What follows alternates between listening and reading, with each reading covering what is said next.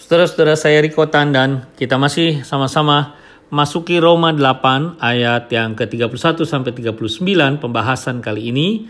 Ini merupakan bagian yang keempat dari sisa Roma 8 ayat yang ke-29 sampai 39 yang kita diskusikan. Nah, saudara refleksi renungan uh, dari Roma 8 di bagian terakhir ini terambil dari buku Tim Keller God's Word for You. Saudara-saudara, saya ingin bacakan terlebih dahulu Roma 8 ayat 31 sampai 39. Bunyinya demikian. Sebab itu, apakah yang akan kita katakan tentang semuanya itu? Jika Allah di pihak kita, siapakah yang akan melawan kita? Ya, yang tidak menyayangkan anaknya sendiri, tetapi yang menyerahkannya bagi kita semua. Bagaimanakah mungkin ia tidak mengaruniakan segala sesuatu kepada kita bersama-sama dengan dia? Siapakah yang akan menggugat orang-orang pilihan Allah? Allah yang membenarkan mereka? Siapakah yang akan menghukum mereka? Kristus Yesus yang telah mati, bahkan lebih lagi yang telah bangkit, yang juga duduk di sebelah kanan Allah yang malah menjadi pembela bagi kita? Siapakah yang akan memisahkan kita dari kasih Kristus? Penindasan, atau kesesakan, atau penganiayaan, atau kelaparan, atau ketelanjangan, atau bahaya, atau pedang? Seperti ada tertulis, oleh karena engkau kami ada dalam bahaya maut sepanjang hari. Kami telah dianggap sebagai domba-domba sembelihan.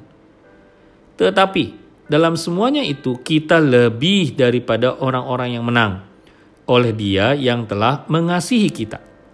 Sebab aku yakin bahwa baik maut maupun hidup, baik malaikat-malaikat maupun pemerintah-pemerintah, baik yang ada sekarang maupun yang akan datang, atau kuasa-kuasa baik yang di atas maupun yang di bawah ataupun sesuatu makhluk lain tidak akan dapat memisahkan kita dari kasih Allah yang ada dalam Kristus Yesus Tuhan kita.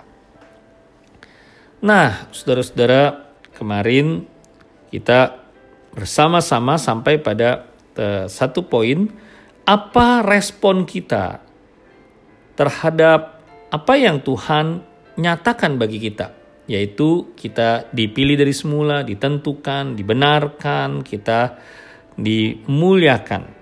Nah, sekarang bagaimana respon kita? Kita sudah tiba kemarin, saudara, pada pertanyaan pertama. Tuhan Allah yang punya tujuan memberikan kemuliaan adalah Allah yang Maha Kuasa. Respon kita seharusnya tidak takut terhadap kuasa iblis, yang mau menghancurkan kita atau agama lain yang membenci kita. Nah sekarang mari kita masuk ke pertanyaan yang berikutnya di ayat yang ke-22. Ia yang tidak menyayangkan anaknya sendiri, bagaimana mungkin ia tidak mengaruniakan segala sesuatu kepada kita? Apa maksudnya ini saudara? Jika Tuhan Allah yang bertujuan memberi kita kemuliaan, sudah rela memberikan hal yang paling berharga dalam dirinya, yaitu anaknya, mengapa kita cemas dengan segala kebutuhan kita?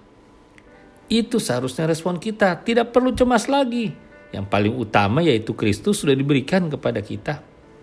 Pertanyaan ketiga dari Paulus. Siapa yang akan menuntut? Siapa yang akan menggugat? Allah yang membenarkan mereka.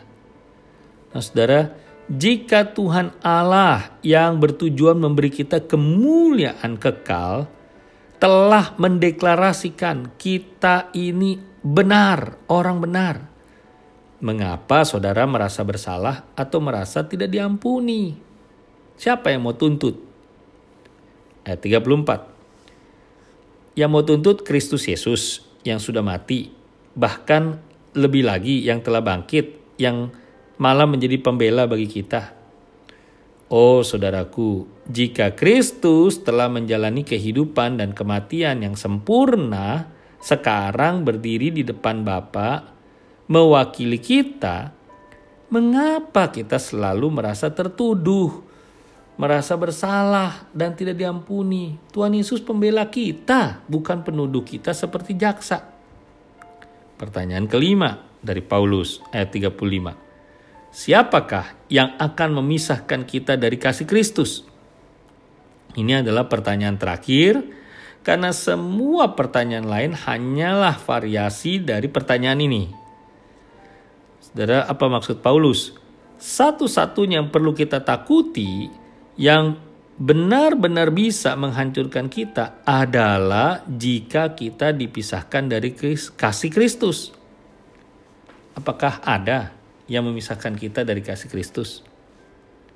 Jadi, pertanyaan utama dari kehidupan Kristen yaitu pertanyaan yang menjawab semua keraguan, kecemasan, dan ketegangan kita adalah apakah ada seseorang atau ada suatu apa pun yang bisa memisahkan saya dari kasih Kristus?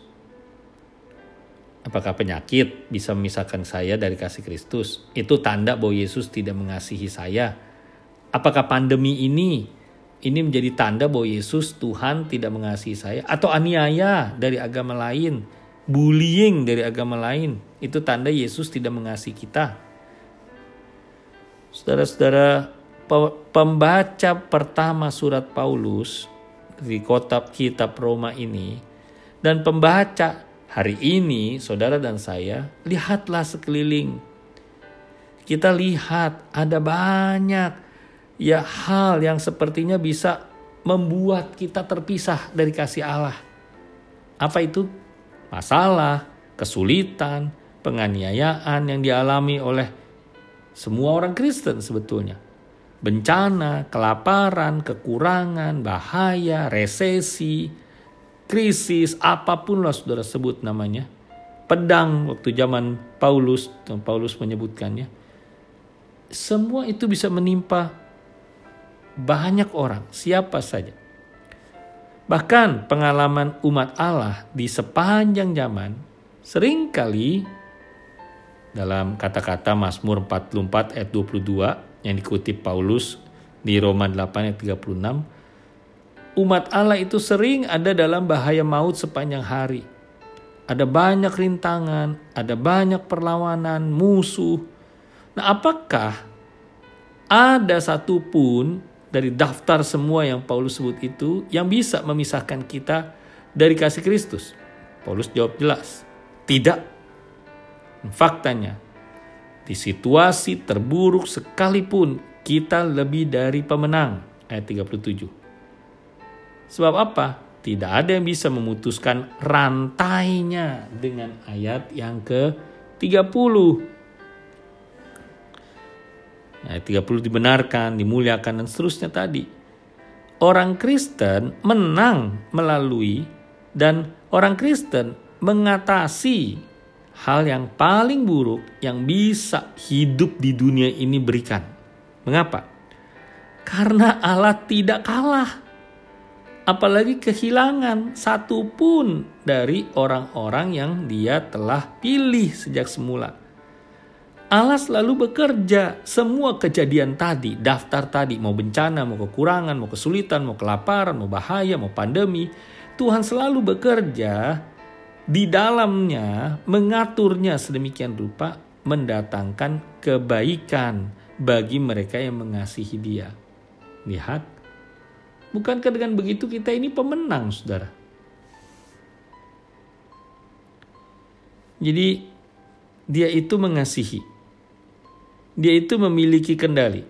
Dia berdaulat terhadap setiap aspek sejarah manusia. Dan Paulus ayat 38 berkata, Paulus yakin bahwa tidak ada yang dapat memisahkan kita dari kasih Allah yang ada dalam Kristus Yesus Tuhan kita. Coba aja sebutkan daftarnya. Tidak ada pengalaman manusia, mau pengalaman manusia itu hidup atau mati. Dalam dunia roh, malaikat atau setan, di dalam waktu masa sekarang atau masa depan. Dalam hal apa pun yang mencoba untuk menghancurkan umat Allah, segala kuasa disebut Paulus. Di dalam ruang, entah itu ruang angkasa di atas ataupun di bawah bumi. Tidak ada satupun di dalam ciptaan, tidak ada. Tidak ada yang bisa memisahkan kita dari kasih Kristus. Mengapa? Allah mengasihi kita karena Dia memilih kita, bukan karena ada sesuatu dalam diri kita yang bisa berubah atau di sekitar kita yang bisa berubah, saudara. Dia mengasihi kita karena dia memang mengasihi kita. Jadi ini satu kesimpulan yang luar biasa bukan?